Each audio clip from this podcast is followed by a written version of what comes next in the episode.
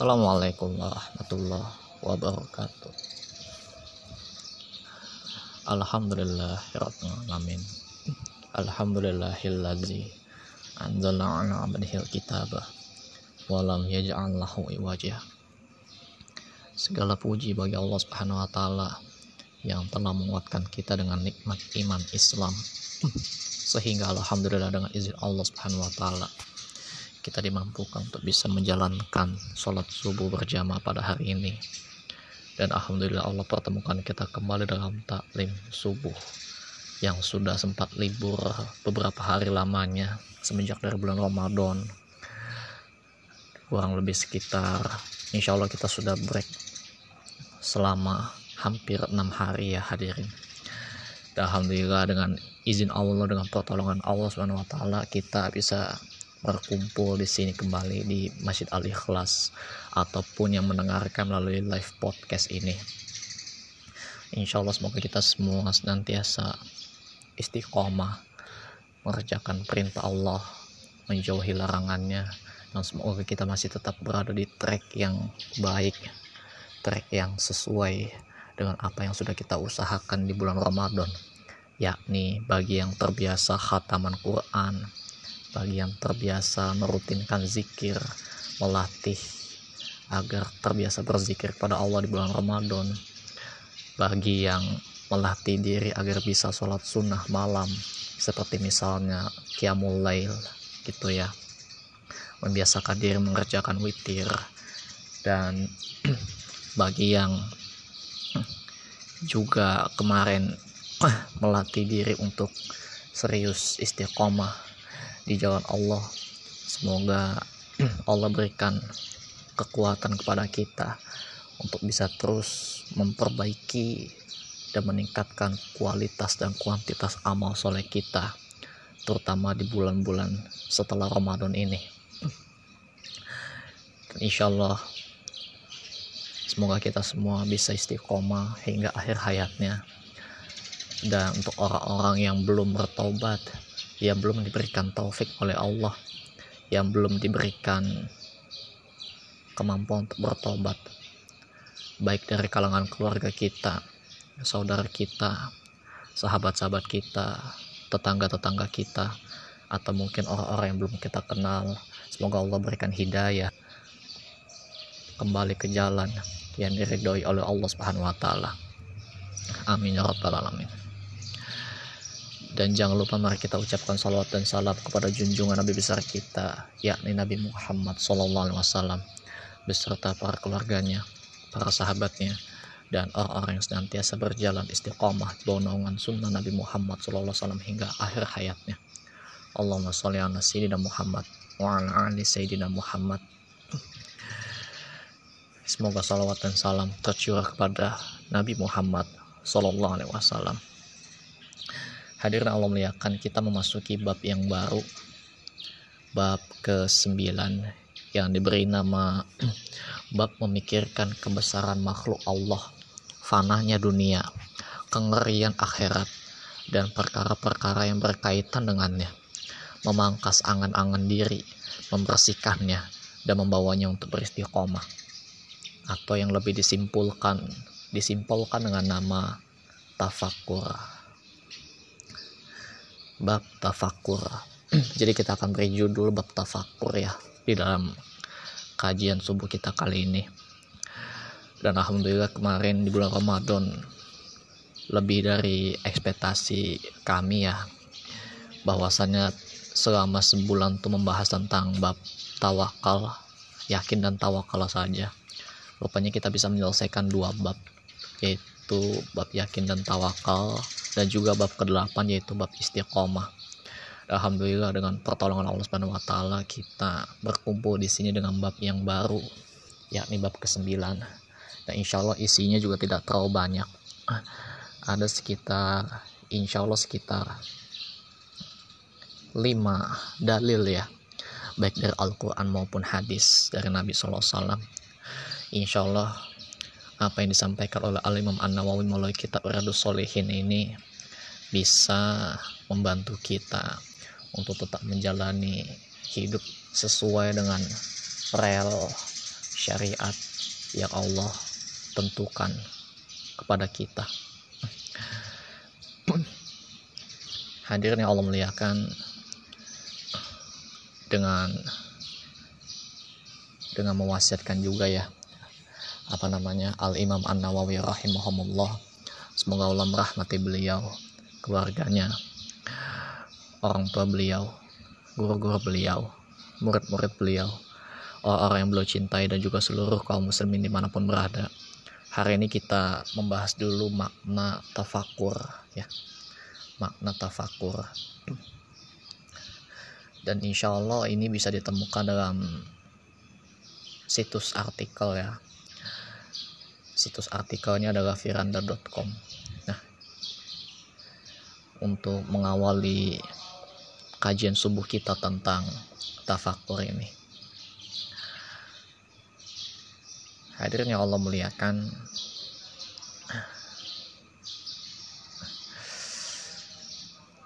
Kita sebelum masuk dalil kita akan baca dulu sejenak apa itu tafakur dan apa kata para ulama tentang tafakur ya?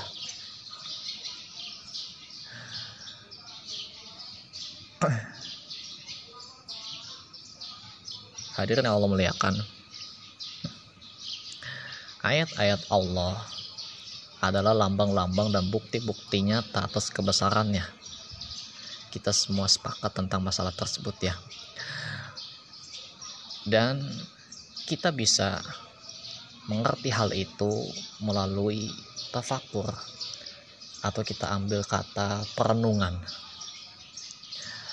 Sebaik-baik keluar masuknya nafas adalah saat seseorang merenungkan ayat-ayat Allah dan keajaiban ciptaannya. Sehingga dari situ terangkatlah hati seorang hamba menjadi tergantung kepada Allah Subhanahu wa taala semata bukan kepada makhluk ciptaannya apa pun itu. Melalui perenungan tafakur seorang hamba dapat mengenal Rob Tuhannya dengan semua asmanya sifatnya pekerjaannya keesahannya keesaannya perintahnya dan larangannya. Jadi melalui tafakur ini seseorang insya Allah bisa mendapat hidayah untuk bertobat merenung muhasabah dan memikirkan jalan agar dapat istiqomah di jalan Allah. Itu esensi dari tafakur ya. Menatap makhluk ciptaan Allah dengan penuh makna adalah ibadah sekaligus pembuka jalan. Sebab perenungan merupakan fondasi dan kunci amal kebajikan. Dengan perenungan tergugahlah seorang hamba untuk mengagungkan Robnya sehingga bertambah imannya terbuka mata hatinya sadar akan kelalaiannya berubah hidupnya menjadi hidup yang bertafakur berpikir cinta dan selalu mengingat Allah Subhanahu wa taala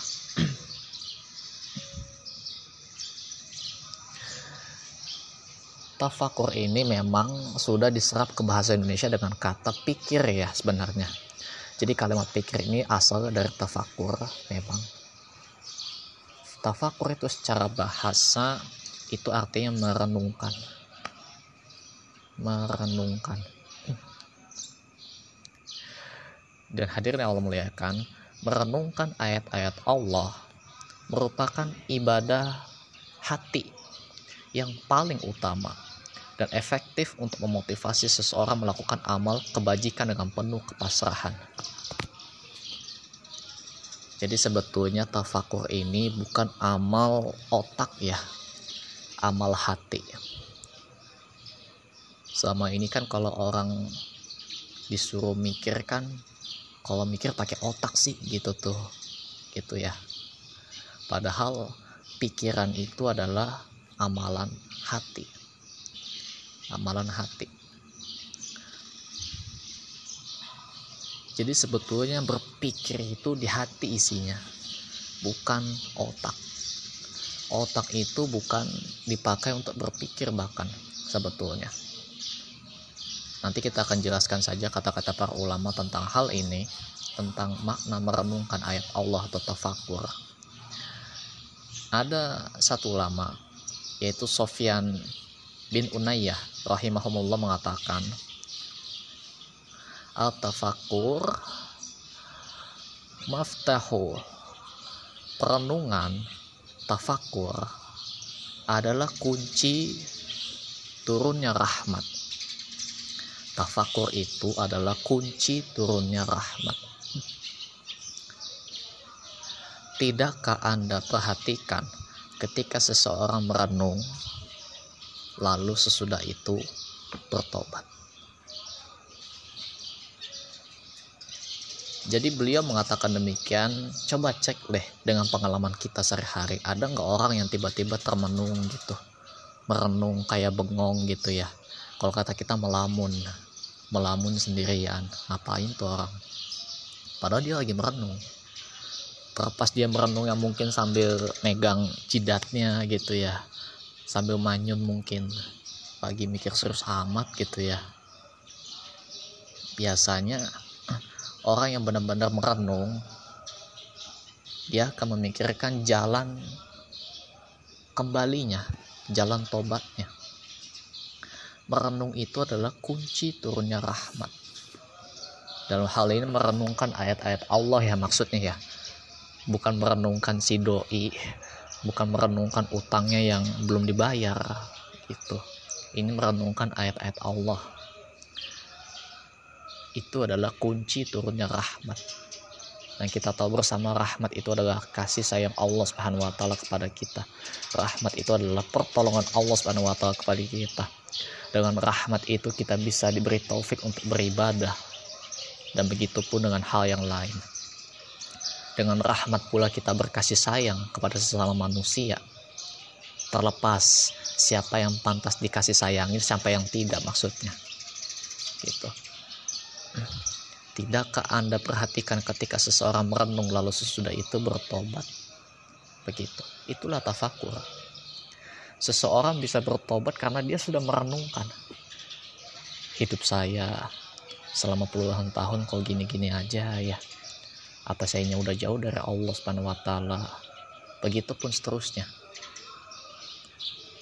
Itu hal yang sangat wajar bila ada seseorang memang sedang bertafakur kepada Allah Subhanahu wa taala. Maka merenung tafakur adalah nasihat terbaik yang perlu disampaikan kepada manusia.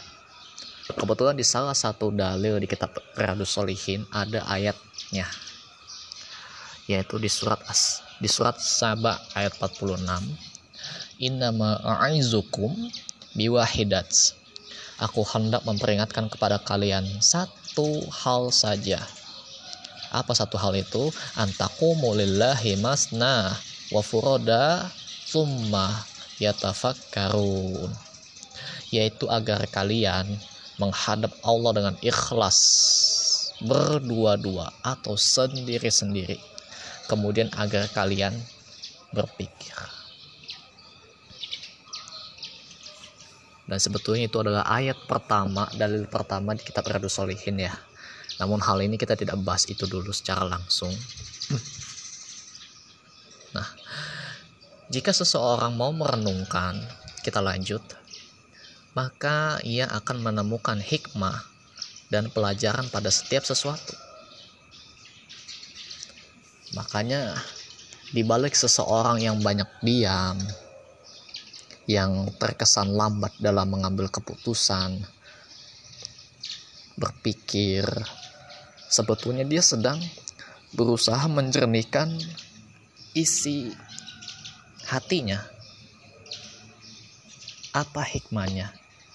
Kalau saya ambil tindakan ini, apa konsekuensinya? Allah ridho atau tidak dengan saya? Kalau saya ambil sikap demikian. Begitu. Lalu ketika sudah kejadian misalnya apa hikmah di balik kejadian itu? Kenapa Allah kasih saya ujian seperti ini misalnya? Misalnya sendal hilang.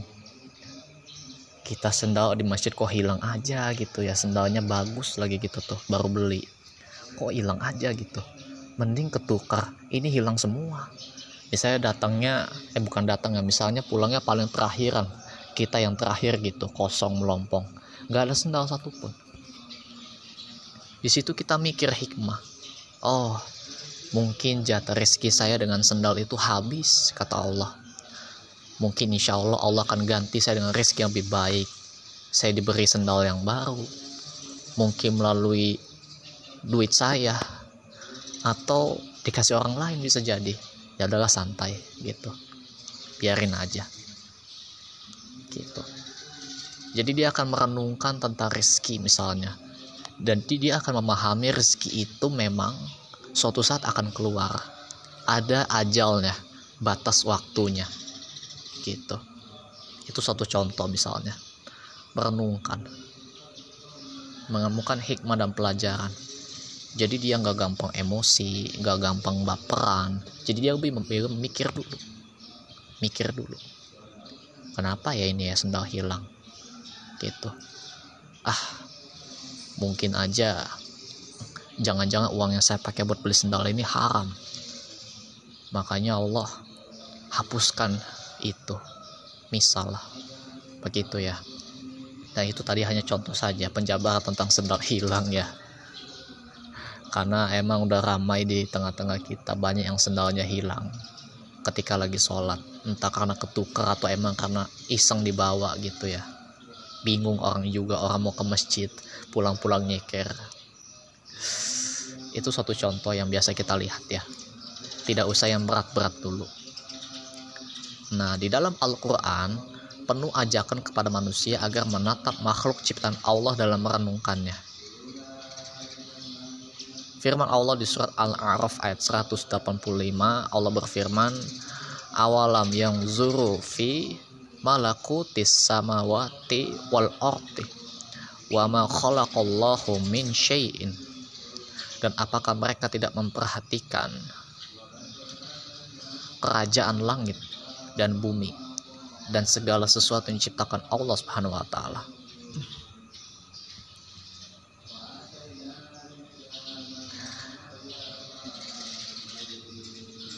banyak tanda-tanda kekuasaan Allah pada ciptaannya bagi mereka yang mau merenungkan. Sebetulnya kita setiap hari sudah keliling ke sana kemari hadirin. Pertanyaannya, pernahkah kita terlintas dalam pikiran kita tentang merenungkan apa hikmah di balik Allah menciptakan langit dan bumi? Apa hikmah di balik diciptakannya manusia? Apa hikmah diciptakannya iblis? Apa hikmah diciptakannya segala sesuatu yang kita lihat dalam kehidupan sehari-hari sesuai pengalaman kita misalnya. Pernah nggak kita memikirkan hal tersebut? Begitu ya. Kita kan memikirkan yang zohir-zohirnya aja. Oh adanya motor sekarang karena manusia yang bikin. Sekarang pada pinter-pinter. Gitu. Padahal di balik pinter ya manusia itu apa hikmahnya? Kenapa Allah ciptakan akal misalnya? Untuk apa akal itu difungsikan begitu. Pernah nggak kita merenungkan sampai sejauh itu hadirin? Dalam hal ini tentu saja merenungkan apa maksud Allah menciptakan semua ini. Mengapa Allah menghidupkan saya saat ini misalnya?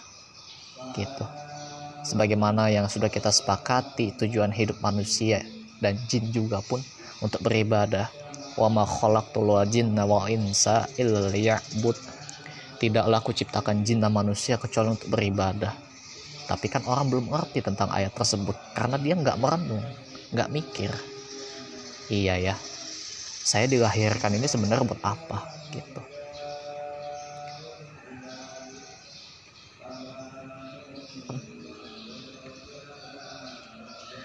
Nah, Allah Subhanahu wa taala memerintahkan manusia secara umum untuk merenungkan semua itu sebagaimana firman Allah Subhanahu wa taala di surat Yunus ayat 101 Qulin zuru maza fis samawati wal ardi.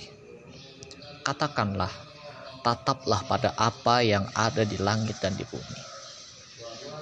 Ketika kita tentang berbicara tentang merenungkan ayat-ayat Allah itu secara umum membahasnya tentang langit dan bumi perhatikanlah apa yang ada di langit dan yang di bumi. Begitu. Nah, Syekhul Islam Syekhul Islam rahimahumullah mengatakan Insya Allah di sini tulisannya Syekhul Islam Ibn Taimiyah. Memperhatikan makhluk ciptaan Allah yang di langit dan yang di bumi dalam rangka merenungkan dan mengambil pelajaran merupakan sesuatu yang diperintahkan dan dianjurkan. Allah Subhanahu wa taala memuji hamba-hambanya yang bertafakur dan merenungkan makhluk ciptaannya. Itulah salah satu ciri khas orang-orang mukmin yang berpikiran cerdas. Berpikiran cerdas. Di Quran surat Ali Imran ayat 190 Allah berfirman, Inna fi khalqis samawati wal ardi wa ikhtilafil laili wan nahari la ayatin li ulil albab. Sesungguhnya dalam penciptaan langit dan bumi dan silih bergantinya malam dan siang terdapat tanda-tanda kekuasaan Allah bagi orang-orang yang berakal. Yang berakal. Dengan perenungan pula, dengan tafakur itu, akan tercapai keberuntungan hidup di dunia dan akhirat. Allah jelaskan di firman surat Al-A'raf ayat 69, Fazkuru Fazkuru la. Fazkuru la ilaha illallah. Oh mohon maaf. Salah baca. Surat Al-A'raf ayat 69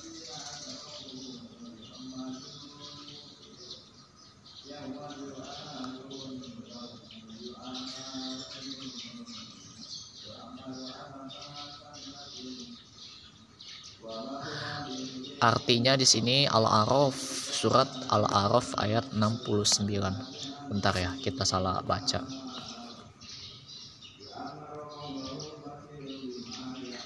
Coba kita buka dulu teksnya. Agak lupa ayatnya bagaimana.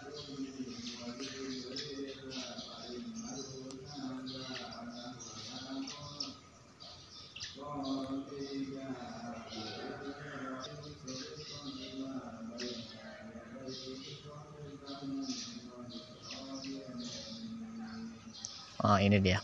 Faskuru ala Allahi la'alakum tuflihun.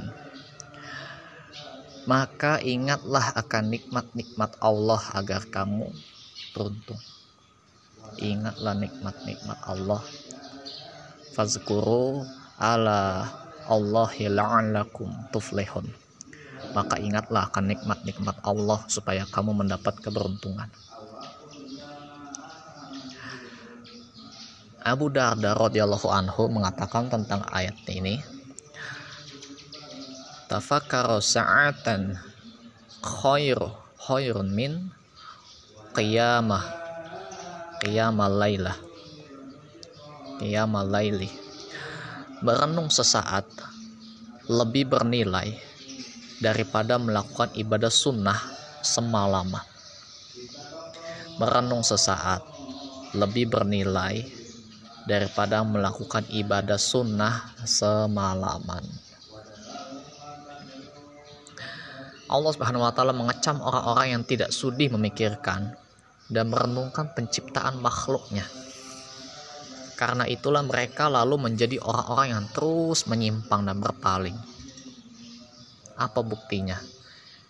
Di surat Yusuf ayat 105 Allah berfirman Coba kita buka lagi Qurannya di sini di cantuman artikelnya agak kecil ya fontnya. Khawatir tidak terbaca dengan jelas silahkan buka mushafnya masing-masing. Di surat Yusuf surat yang ke-12 ayat 105 kalau kita baca secara lengkapnya bunyi ayatnya adalah wakai waka'ayyim min ayatin fis samawati wal ardi yamuruna 'alaiha wahum anha mu'ridun. Dan berapa banyak tanda-tanda kebesaran Allah di langit dan di bumi yang mereka lalui namun mereka berpaling darinya. Mereka berpaling darinya.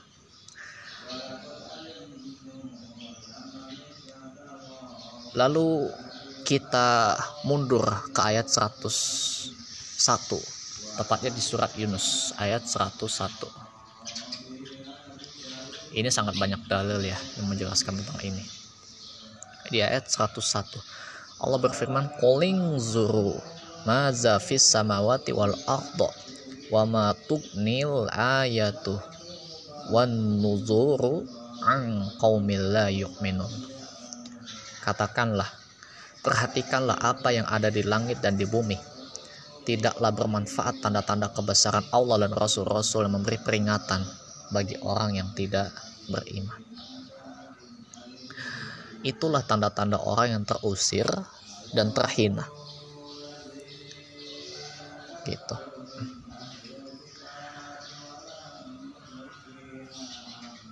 Lalu ada firman Allah di surat Al-A'raf ayat 146. Kita buka dulu dalilnya. Sangat banyak sekali dalilnya tentang masalah ini rupanya. Ah, surat Al-A'raf ayat 146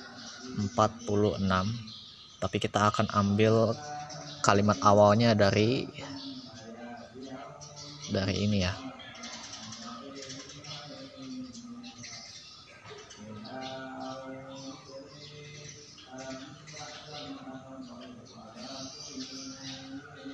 kita cek terlebih dahulu.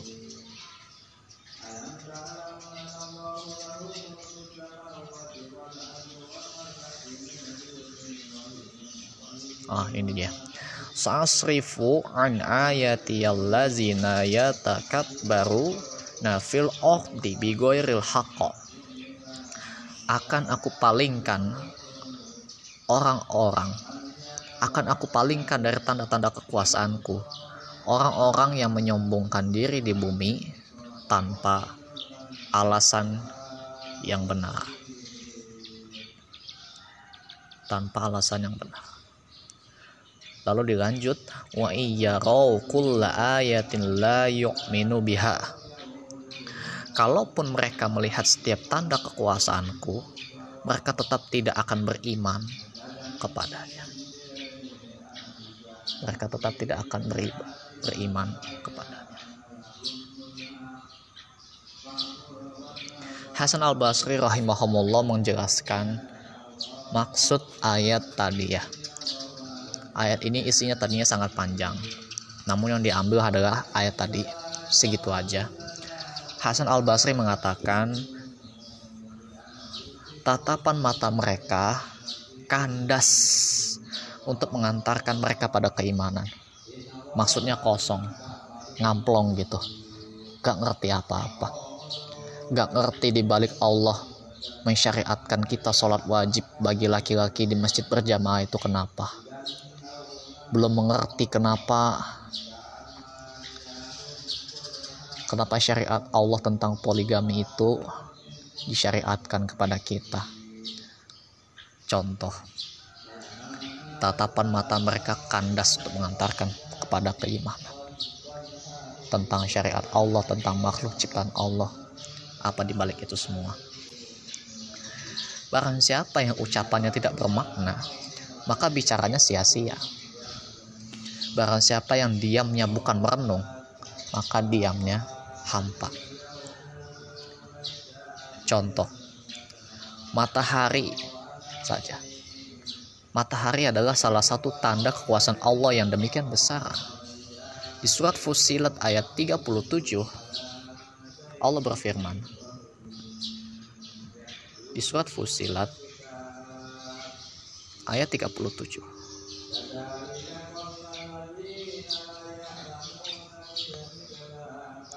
Surat Fusilat ayat 37. Allah berfirman, "Wa min ayatihil lailu wan naharu wasyamsu wal qamar." Dan sebagian dari tanda-tanda kebesarannya ialah malam, siang, matahari, dan bulan. Allah jadikan matahari sebagai penerang jagat raya dan sebagai lampu raksasa yang menyala-nyala di atas. Allah jinakkan matahari itu agar berjalan pada orbitnya sesuai perhitungannya demikian cermat di ruang angkasa luas. Demi kenyamanan hamba-hambanya hingga waktu yang telah ditentukan. Allah menciptakan matahari tujuannya untuk menerangi bumi ini gitu. Dan Allah yang ciptakan itu. Maka mengapa kita tidak bersyukur? Itulah pertanyaannya. Lalu kita biasa baca surat Yasin ayat 40 surat Yasin ayat 40 sering baca surat Yasin ya di sini ya. Di surat Yasin ayat 40 apa maksudnya? Nah Allah berfirman la syamsu yang bagi laha an tudrikal qamar walal lailu sabiqun nahar wa kullung fi falaki yasbahun. Tidaklah mungkin bagi matahari mengejar bulan dan malam pun tidak dapat mendahului siang. Masing-masing beredar pada garis edarnya. Allah belum pernah menahan perjalanan matahari kecuali untuk Nabi Yusya bin Nun alaihi salam. Dalam konteks ini Nabi SAW bersabda, sesungguhnya matahari tidak pernah ditahan untuk seorang manusia pun. Selain untuk Nabi Yusya bin Nabi Yusuf Yusya alaihi salam di hari beliau melakukan perjalanan menuju Baitul Maqdis. Dengan terbit dan terbenamnya matahari, terjadilah waktu siang dan malam. Yang kita kenal 12 jam 12 jam. Andai saja bukan karena adanya matahari, niscaya terbengkalai semua urusan di alam raya ini. Maka pada sang surya ini terdapat banyak hikmah dan kemaslahatan yang sulit diungkap secara tuntas oleh kita umat manusia. Dan ayat tentang tafakur ini secara umum memang selalu membahasnya tentang penciptaan langit dan bumi. Langit dan bumi. Hadirin Allah muliakan, ini masih sangat panjang. Namun kita cukupkan sampai di sini. Itulah tentang tafakur. Insya Allah kita akan bedah ayat demi ayatnya mulai besok dan hadis demi hadisnya. Walaupun di sini hanya satu hadis yang dicantumkan ya hadirin. Dan insya Allah itu sudah sangat cukup bagi kita. Dan kita minta pertolongan kepada Allah Subhanahu wa taala agar Allah senantiasa memberikan kekuatan kepada kita untuk istiqomah mengamalkan sunnah Nabi Muhammad SAW. Demi kesempurnaan majelis, marilah kita tutup dengan doa kifaratul majelis. Subhanallah wa bihamdihi. Subhanallahumma wa bihamdika. Asyhadu an la ilaha anta astaghfiruka wa atubu ilaik. Wassalamualaikum Muhammad walhamdulillahi rabbil alamin. Wassalamualaikum warahmatullahi wabarakatuh.